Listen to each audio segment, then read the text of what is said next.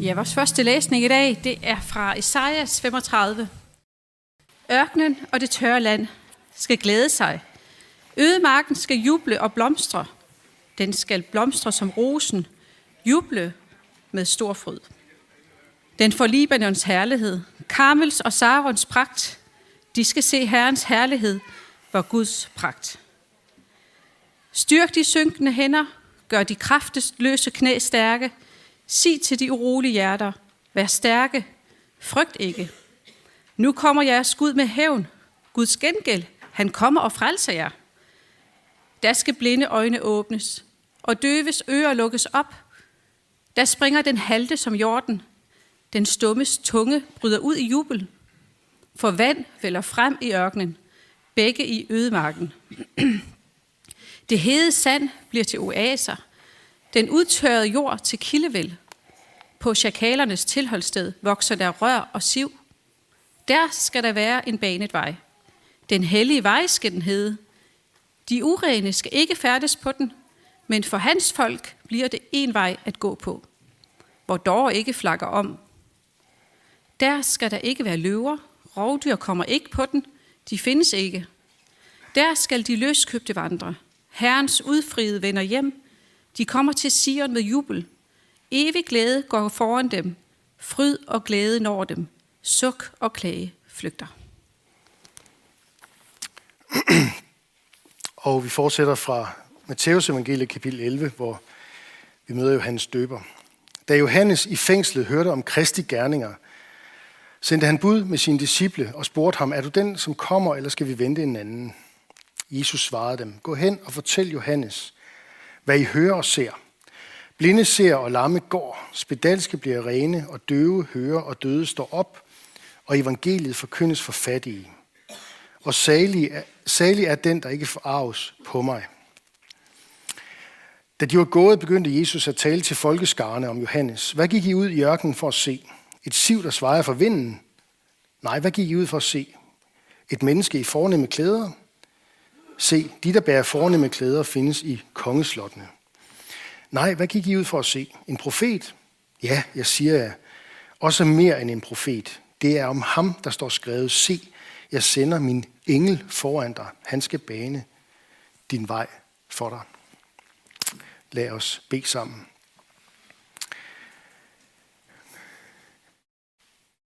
Herre Jesus, vi beder os om, at du vil komme til os nu og trøste os med det samme, som du trøste Johannes med i fængslet. At du er den, der opfylder alle Guds løfter. Amen.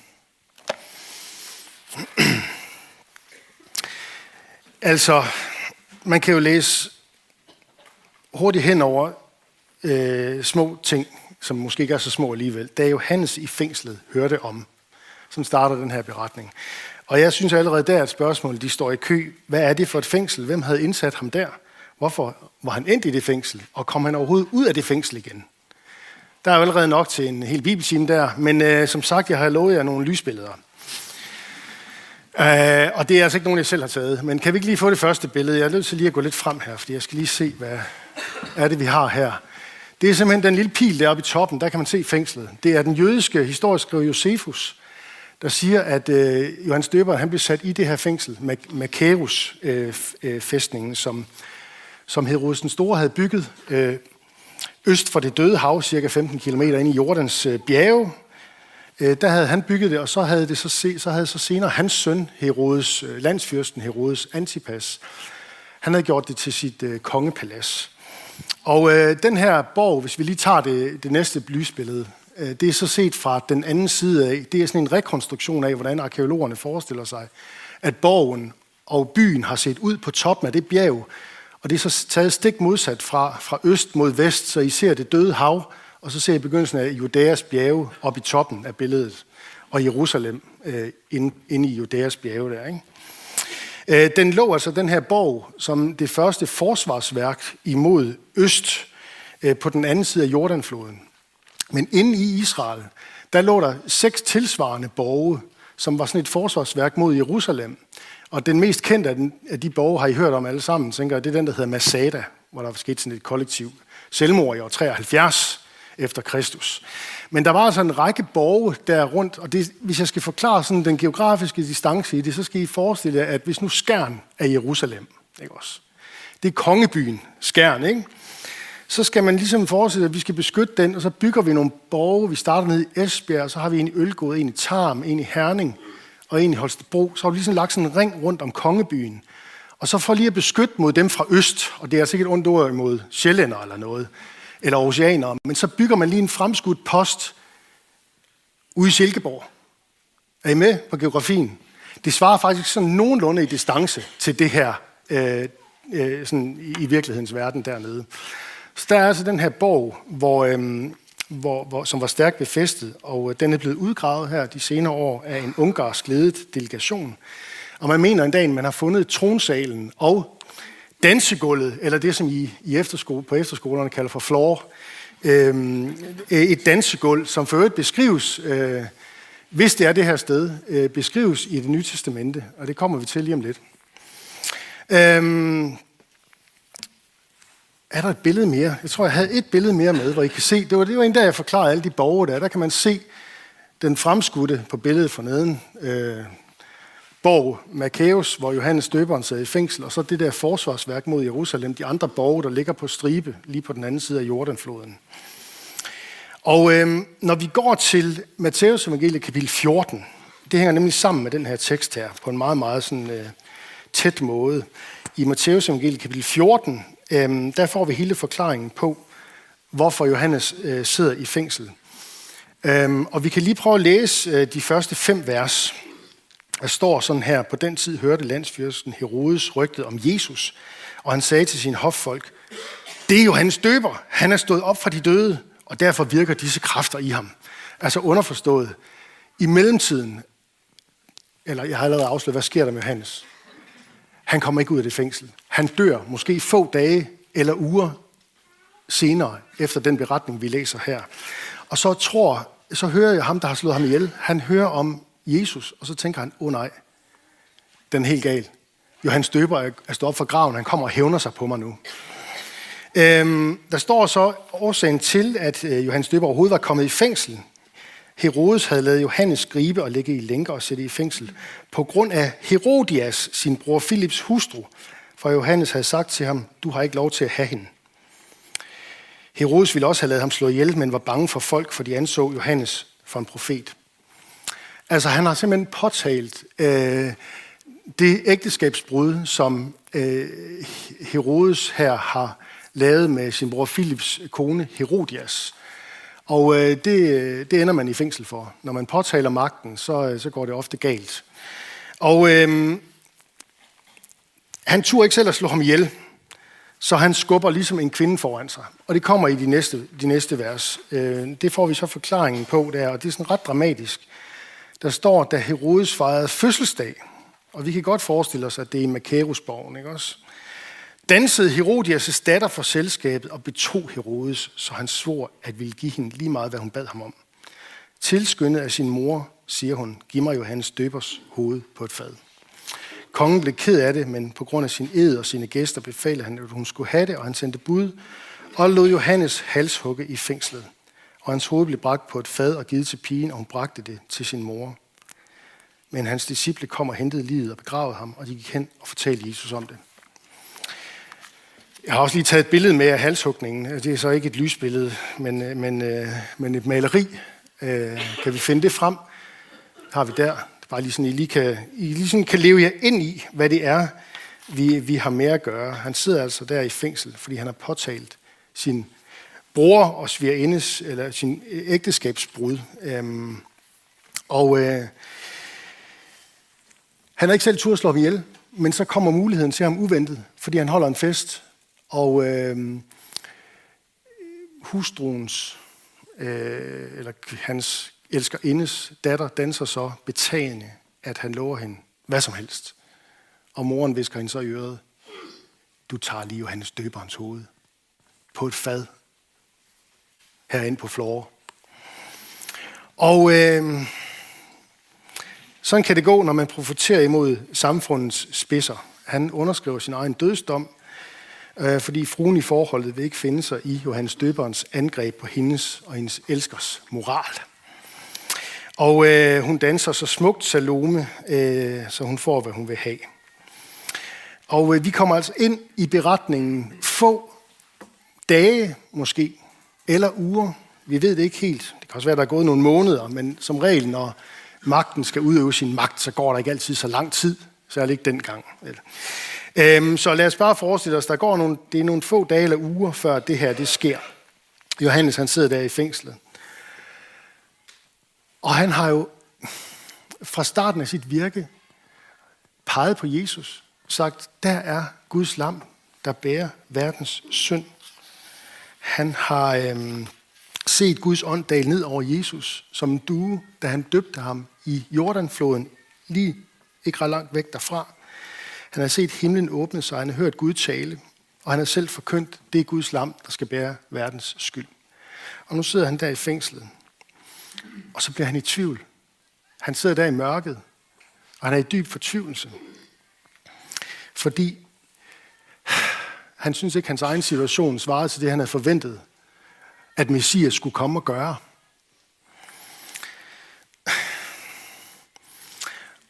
Og en eller anden, på en eller anden måde, så synes jeg, at der er en trøst i det. Der er en trøst for os i, at når vi også gribes af tvivl og mørke tanker omkring vores egen tro osv., så, så kan du tænke på, at sådan en som Johannes Døberen, han har også været der.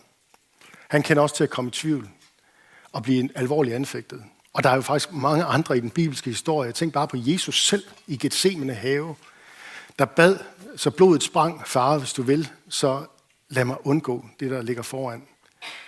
Men det fik han ikke lov til. Han skulle gøre Guds vilje og opfylde profetierne. Men det er en trøst for os, når vi gribes af tvivl, at selv den store prædikant Johannes, der var så overbevist i sin tro på, at Jesus var det Guds lam, der skal bære verdens skyld. Han kunne også blive ramt af tvivl. Det kan sige os noget om, at når vi mødes øh, af tvivlen, eller når den sniger sig ind på os, så er det ikke nødvendigvis, øh, fordi der er noget galt med vores tro, at det skal vi lige have rettet op på. Nej, så er det et kald til, at vi retter vores blik imod Jesus, og, og beder til ham og spørger ham, Jesus, vil, vil du vise dig for mig, som den du virkelig er? Og det er så det svar, han får øh, af Jesus. Øhm, men inden vi kommer til det svar, så vil jeg godt lige, øh, lige dvæle ved, ved det sidste, Jesus tager fat i, som er lidt kryptisk. Det her med, hvem er den her Johannes? Han taler til folkeskaren om, hvem er Johannes? Øhm, han, kalder ham, øh, han kalder ham for den største i blandt øh, den største blandt kvindefødte, kalder han ham et sted. Øhm, og han taler om, at her er mere end en profet. Det er ikke bare en almindelig profet, men det er en, en særlig omtalt profet, som vi finder omtalt øh, i det gamle testamente, i de sidste vers, de aller, aller sidste to vers, vi har øh, i det gamle testamente. Det er Malakias, så vi skal jo bare lige øh, 10 kapitler tilbage.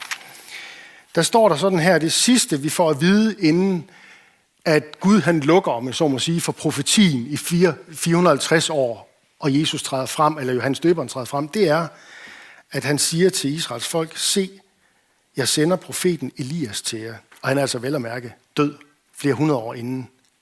Men Gud han siger, se, jeg sender profeten Elias til jer, før Herrens dag kommer, den store og frygtelige. Han skal vende fædres hjerte til deres sønner, og sønners hjerte til deres fædre, så jeg ikke skal komme og slå landet med forbandelse. Det er en, øh, en profeti, som har vokset sig stærk i Israels folk i de der århundreder frem til, at Jesus han og Johannes øh, træder frem. Øh, det, vi har, det vi har med at, at gøre her. Øh, nu skal jeg lige have fat i det sidste her. Øh, I Matteus evangeliet, øh, lidt længere fremme i det samme kapitel, vi har læst, der taler Jesus om øh, Johannes døberen og siger sådan her i vers 13, jeg har også lige taget det med til jer, han siger, for alle profeterne og loven har indtil Johannes været forudsigelser. Øh, profeterne og loven, det er sådan Jesu måde at omtale det gamle testamente på. Og så siger han, og om I vil tage imod det, så siger han om Johannes, han er Elias, som skulle komme. Den, der har ører, skal høre. Johannes, døberen, han er i virkeligheden, han er den her Elias skikkelse, den her forløber for Messias, der skal bane Herrens vej. Jesus, han, han giver ham så, ligesom han giver Simon, Peter, Simon et tilnavn Peter, så giver han jo Johannes her et tilnavn. Vi skal tænke om ham, siger han, som Johannes Elias. Tænk om Johannes døberen som Johannes Elias. Den her profet, der er forudsagt. Det, der så bliver ejendomligt, og, nu, og det kan jeg, undskyld, det bliver lidt nørdet, men må, måske er nogen af jer, der sidder og tænker, ja, men var der ikke et eller andet med her, at han ikke selv mente, han var det? Jo, det var der. Om i Johannes evangeliet, kapitel 1, der, øh, der hører vi sådan her, øh, og jeg læser bare op fra Johannes øh, 1 af, vers øh, 19. Der hører vi sådan her. Dette er Johannes' vidnesbyrd, øh, altså døberen, da jøderne fra Jerusalem sendte præster og levitter ud for at spørge ham, hvem er du? Der bekendte han og benægtede ikke. Han bekendte, jeg er ikke Kristus. Hvad er du da, spurgte de ham. Er du Elias? Det er jeg ikke, svarede han. Er du profeten? Nej, svarede han. Så sagde de til ham, hvem er du da? Vi skal have svar med til dem, der har sendt os. Hvad siger du om dig selv? Han svarede, jeg er en, der råber i ørkenen, jævn Herrens vej, som profeten Esajas har sagt. Altså, der er profeteret det om i Esajas 35, som vi lige har læst om, at der er en røst, der skal råbe, øh, der skal, der skal råbe i ørkenen. Ban Herrens vej. Altså, vær vejbereder for, at Herren selv, altså Israels Gud, Herren selv, skal nu komme til sit folk. Og hvad var det nu, englene sagde der julenat, ikke for at foregribe det, men de sagde jo noget med, der er født jer en frelser i Davids by, han er Kristus, komma, Herren, står der. Altså Gud selv. Så Johannes døberen, han er, han er en, der råber, nu kommer Gud. Nu kommer Gud til jorden. Gud er kommet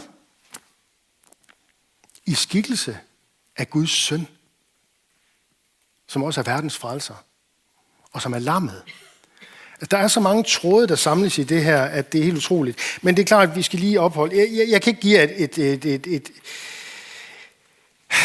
Hvorfor er det, at Johannes selv siger, jeg er ikke Elias, når han bliver spurgt, og så kommer Jesus og overtrumfer ham bagefter og siger, jamen det er han, det er du altså. øh, er det fordi, at Johannes ikke vidste det? Det er en mulighed. Er det fordi, han strittede imod? Han havde en fornemmelse af, at han var Elias, men han, han, han, han strittede imod. Det er der jo andre, der har gjort i bibelhistorien. Moses strittede imod, Jeremias strittede imod, at Gud kaldte ham til profet osv. Måske er det det, der ligger i det. Eller måske var han bange for, at folk ville misforstå hans rolle. Øh, og så gav han dem et, øh, et pragmatisk svar, selvom han jo ikke virker, Johannes Døberen, nogen steder ellers, som en pragmatiker. Han er sådan lige på hårdt, ikke også? Øksen ligger ved træets fod og alt det der, ikke? Øh, domsforkynderen. Men det kan være, at han havde et snært af sådan en lidt, lidt, lidt pragmatiker i, så han var bange for, at folk ville misforstå hans rolle. Vi ved det ikke. Men det vi skal, det er jo, at vi skal lade Jesus øh, få det sidste ord i den her sag. Han siger, at Johannes, døberen, skal bane vej for Herren. Og Herren, det er mig. Jeg er Herren. Herren, det er Jesus selv, Guds søn og verdens frelser. Og det er ham, Johannes baner vej for.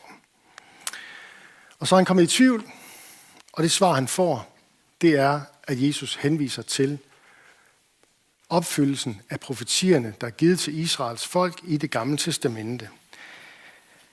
Han får et løfte, et ord om, at det Gud har lovet, det går i opfyldelse. Og det går faktisk i opfyldelse lige nu, siger han. Lige nu sker der det, at Gud er til stede i verden i skikkelse af Jesus. Og der, hvor han kommer frem, der bliver mennesker mødt med lægedom og helbredelse. Og de gode nyheder. Evangeliet, der bliver forkyndt for alle dem, der vil høre. Og øh, jeg tænker, at der ligger et... Øh, der ligger en eller anden form for et kald i det, måske til os. Måske vil jeg bruge det udtryk, et kald. Et kald til at, øh, at læse Guds ord med forventning og med længsel. Og så Prøv at øh, søge Guds løfter i hans ord. Og så tag dem til os og tro på, at det han siger der, jeg er med jer alle dage. Den, der kommer til mig, vil aldrig vise bort. Hvad det nu er, jeg tror, vi alle sammen kender det at have nogle ord, som fylder mere i vores horisont end andre fra Bibelen af. Og det er ofte løfteord. Det er ord, hvor det er Gud, der ligesom sætter den tykfede streg nedenunder. Det er mig, der siger det her. Det er mig, der lover det her. At den slags ord, dem skal vi, øh, dem skal vi værne om. Dem skal, vi, øh, dem skal vi glæde os over. Vi skal gå ind i dem med forventning og med længsel. Og det er jo det, adventstiden er et kald til os. Det er jo en længselstid, en ventetid, en forventningstid. Jesus, han giver Johannes det svar, som giver den ultimative trøst, at Guds løfter, som han i første omgang har givet til Israel, altså profeternes ord, de er ved at blive opfyldt, siger han til Johannes. Og den trøst, den gælder også os. Jeg kom til at tænke på en børnesang, da jeg sad og forberedte mig. Den her med omkvædet, vi venter, vi venter, vi venter. Kan I huske den? Ja. Sådan en advents øh, børnesang. Vi venter, vi venter, kommer han snart. Vi venter, vi venter, kommer han snart. Og det er jo det, Johannes han på en måde sidder og synger. Er, er det ikke sådan, den er, Lone? Cirka. Det er den ikke helt. Jo, der er nogen, der sådan... Min parafrase af den kan de godt følge. Det er det, Johannes han også sidder der og venter i fængslet, i mørket, og er kommet i dyb tvivl. Er det Guds? Er det Gud selv, der er kommet? Han ser jo sig selv som en, der skal bane vej for Gud. Men er Gud kommet, eller hvad? Jeg sidder her i fængslet jo. Der er godt nok ikke meget herlig teologi over det. Hvad? Og hvad ender han med? At blive befriet og leve evigt alle sine dage, eller hvad? Han ender med at få skåret knuppen af. Det er da et kald til efterfølgelse, eller hvad? Jeg ved det ikke. Øh, det siger i hvert fald noget om, at øh, Guds ord, Guds løfter, de bærer os også derind i mørket, i fængslet, i øh, forfølgelsen, i døden. Selv ind i døden. Der har Gud et ord, og i virkeligheden et ord, der er stærkere end døden. Fordi ham, der kalder sig selv Guds ord, gik jo ud af døden på et tidspunkt, da det blev påske. Men det kommer vi til til foråret, ikke også? Men det her med, at vi venter, vi venter, kommer han snart. Jeg tænkte på det. Nu skal jeg slå en, slå en sløjfe her til sidst, ikke også? Altså de sidste par år. Jeg ved ikke, hvordan du har det med de sidste par år her. I verdenshistorien her i Danmark. Med corona og nedlukninger og krig og kaos og så videre. Men jeg har det sådan, jeg kan godt blive en anelse mismodig. Og øh, grænsende til sådan lidt bange og urolig og ængstelig. Og synes, at det hele mørket fortætter sig sådan lidt over os. Der er så meget ondt i verden. Man skal helst undgå at komme for tæt på. Og komme i nær kontakt med det. Og der kan jeg, der kan jeg mærke den her tanke dukke op. Hvorfor kommer Jesus ikke bare snart og gør en ende på den her ondskab? Jeg mener, det har han jo lovet, at han vil gøre. Og jeg tænker, jeg tænker jo sådan i min, for jeg, jeg tænker bare sådan, jamen heller i dag end i morgen. Sådan tænker jeg om det. Heller i dag end i morgen. Jeg synes faktisk, det er en af de store mysterier øh, øh, for, min, for, min, for min personlige øh, Øh, tro. Jeg synes øh, virkelig, at verden trænger til Guds indgriben på en måde, som jamen, det, der sker igennem kirken og sådan noget, og Gud rækker også sin hånd ud til lægedom, og mennesker bliver frelst osv. Men det er alligevel sådan, den sådan helt store bølge, ikke også, der skyller ind over jorden, og det der, den kommer jo først den dag Jesus, han ligesom sætter foden ned igen og siger, nu er det nok. Og det synes jeg, vi mangler. Sådan kan jeg mærke det i hvert fald. Øhm, og der har jeg fundet trøst i, at Jesus han siger et sted til sine disciple, øh, omkring det her, at siger han til dem, jeres hjerte må ikke forfærdes. Stol på Gud og stol på mig. Jeg har den her verden og verdens gang og dit liv i mine hænder. Og det er vel også det, Johannes han hører, da Jesus han svarer ham. der i fængslet, få dage inden, at hans hoved bliver skåret af.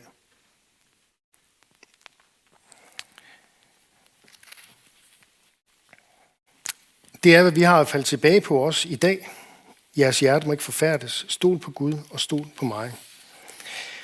Øhm, sagen er den, at som kristne, der venter vi jo, ligesom Johannes, på Messias. Vi ved, at han er kommet, men samtidig så venter vi med længsel på, at han skal komme igen. Og det er jo adventstidens formidable dobbelthed, at vi venter, øh, vi træder ind i sådan en forberedende fejring af den jul, der er på vej, hvor vi fejrer, at Jesus kom som et lille barn, som et menneske, som os og så videre, og vi kender videre historien. Men der er også den store advent, vi venter på. Den store advent, det er, når han kommer igen i herlighed, for at holde dom over den her verden. Og det, når han kommer igen i herlighed og ære, fuldt af sine himmelske engle, som han selv siger, som jo i parentes bemærket sandsynligvis er de samme engle, som dem, der annoncerede hans fødsel på Bethlehems marker, dengang Herodes den Store var konge i Judæa. Det er det budskab, som vi har at blive trøstet af. Budskabet om, at Jesus Kristus, han er Guds søn, verdens frelser, profetiernes opfylder, og ultimativt den store advent, det sidste komme. Han er den her verdens fornyer og forløser og forvandler. Og det er jo et budskab, som gælder alle mennesker. Og det er et budskab, som enhver, der tror på det budskab, skal regne sig selv for at være arving til det rige. For allerede nu at have fået med Jesu blod underskrevet et øh, dokument, der legitimerer, at tror du på Jesus, så er du arving til alle de her ting her. Bibelen formidler en tro på, at vores havede, syndige og arme jord, den har i Kristus en lys fremtid foran sig. Jesus han fortæller sine disciple, jeg har lige taget et øh, slide med, der, hvor han taler om det her. Jesus bruger det her udtryk øh, et sted i det nye testamente. Han taler om verdens genfødelse. Og apostlen Peter, han taler om, at, og jeg citerer igen, Jesus skal bo i himlen indtil de tider kommer, da alt det skal genoprettes, som Gud fra fordoms tid, altså fra gamle dage, fra profeternes tid, har forkyndt igennem sine hellige profeters mund. Han skal bo i himlen indtil. Læg lige mærke til det ord. Det er et rigtigt adventsord. Indtil. Det er et adventsord. Det er et længselsord. Det er et venteord. Det er, det, det er et ord, der, er, der, der, der forkynder for os, at der er noget, vi har i vente som kristne. Der er noget, vi er på vej imod. Eller rettere sagt, der er noget, der er på vej imod os, nemlig Guds rige, der kommer ud fra fremtiden. Den og bryder ind i verden den dag, Jesus øh, kommer igen. Og øh, ja, apostlen Johannes, han bevidner, hvordan han har Gud, set Gud sidde på tronen og sige i slutningen af, af Bibelen, øh, se, jeg gør alting nyt. Og det er de samme ting, de taler om, Jesus og Gud på tronen og apostlen Peter. Det her med, at Gud han vil forvandle og forny den jord, vi lever på. Altså det, som Johannes længtes efter, men som han var kommet i tvivl om. Og det, som den kristne menighed længes efter, men som vi også kan komme i tvivl om. Der hører vi det meget tydeligt her. Jesus, han vil genføde den her verden. Ligesom han vil genføde dig ved vand og helligånd, så vil han også genføde hele den jord, vi er på. Det betyder, er jeg så også lige nødt til at sige til slut, det betyder selvfølgelig ikke, at jorden og alt det, der er skønt og ægte og smukt og sandt her på jorden, at det skal forgå. Jorden, den er jo skabt af Gud. Vi læser om det i 1. Mosebog kapitel 1. På seks dage skabte Gud jorden, og til slut der konkluderede Gud, at det var da virkelig godt. For sådan lige at sige det på nydansk. Ikke også? Gud så, hvor godt det var. Så skaberværket, det er, var og er virkelig godt fuldendt. Nej, det der skal forgå, det er det, der er kommet til med syndefald. Det, der, er, det, der skal forgå, det er alene, en og alene den her verdens onde skikkelse. Alt det, som syndefaldet medførte, er sygdom, synd og død. Og den onde djævel, og alle hans gerninger i menneskens liv. Alt det skal forgå. Og det er det, adventstiden handler om. På den store klinge, den store advent alt det korrupte, alt det, som river og flår i Guds elskede skaberværk, det skal forgå. Og vi skal se en version 2.0 af det, der skete, da Jesus gik på jorden første gang, og det, der stadigvæk sker i glimt nu, når folk forsoner sig med hinanden, når der øh, render vand, hvor der før var øde land, når, øh, når Gud han rækker ud med lægedom, og folk bliver raske. Det sker jo nu i glimt, men der kommer en dag, hvor det skal fylde hele jorden. Jesus han kommer snart og opfylder de sidste løfter. Han opfylder de løfter til Israels folk, som endnu ikke er opfyldt. De løfter, som også gælder os. Fordi Israels Gud, Herren, er hele verdens Gud. Og enhver, der tror på ham, skal ikke fortabes, men have evigt liv. Og det er derfor, vi ønsker hinanden glædelig, glædelig advent. Lad os bede sammen.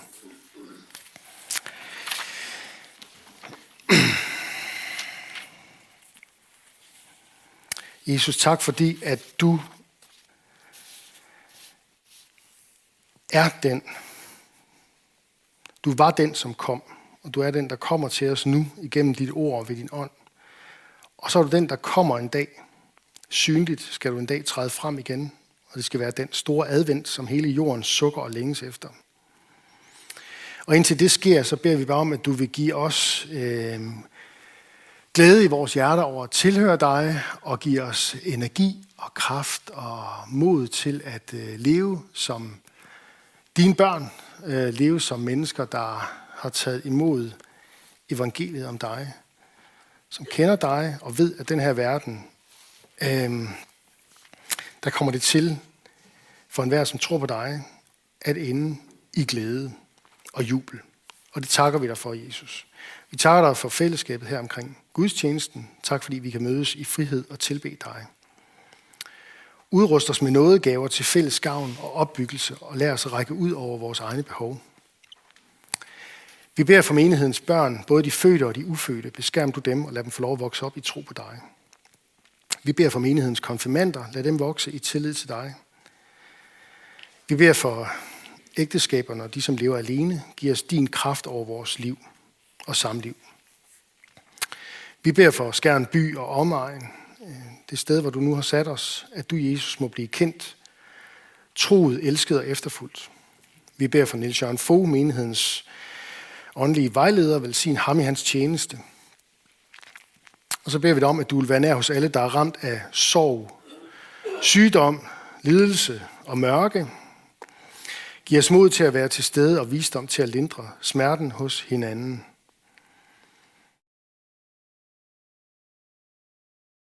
Lad os være stille et øjeblik og bede for et menneske eller en situation, der har brug for, for Guds hjælp.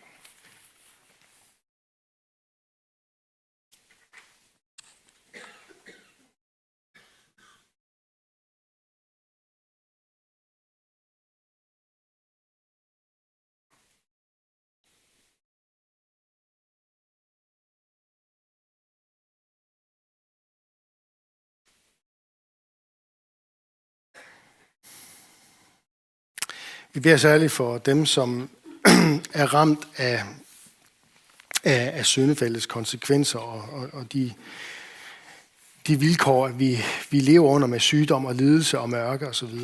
Øhm, vi beder for de kristne, øh, der lever de steder og forfølges for dit navns skyld. Vær du dem nær og giv dem kraft og mod til at være et vidnesbyrd om dig.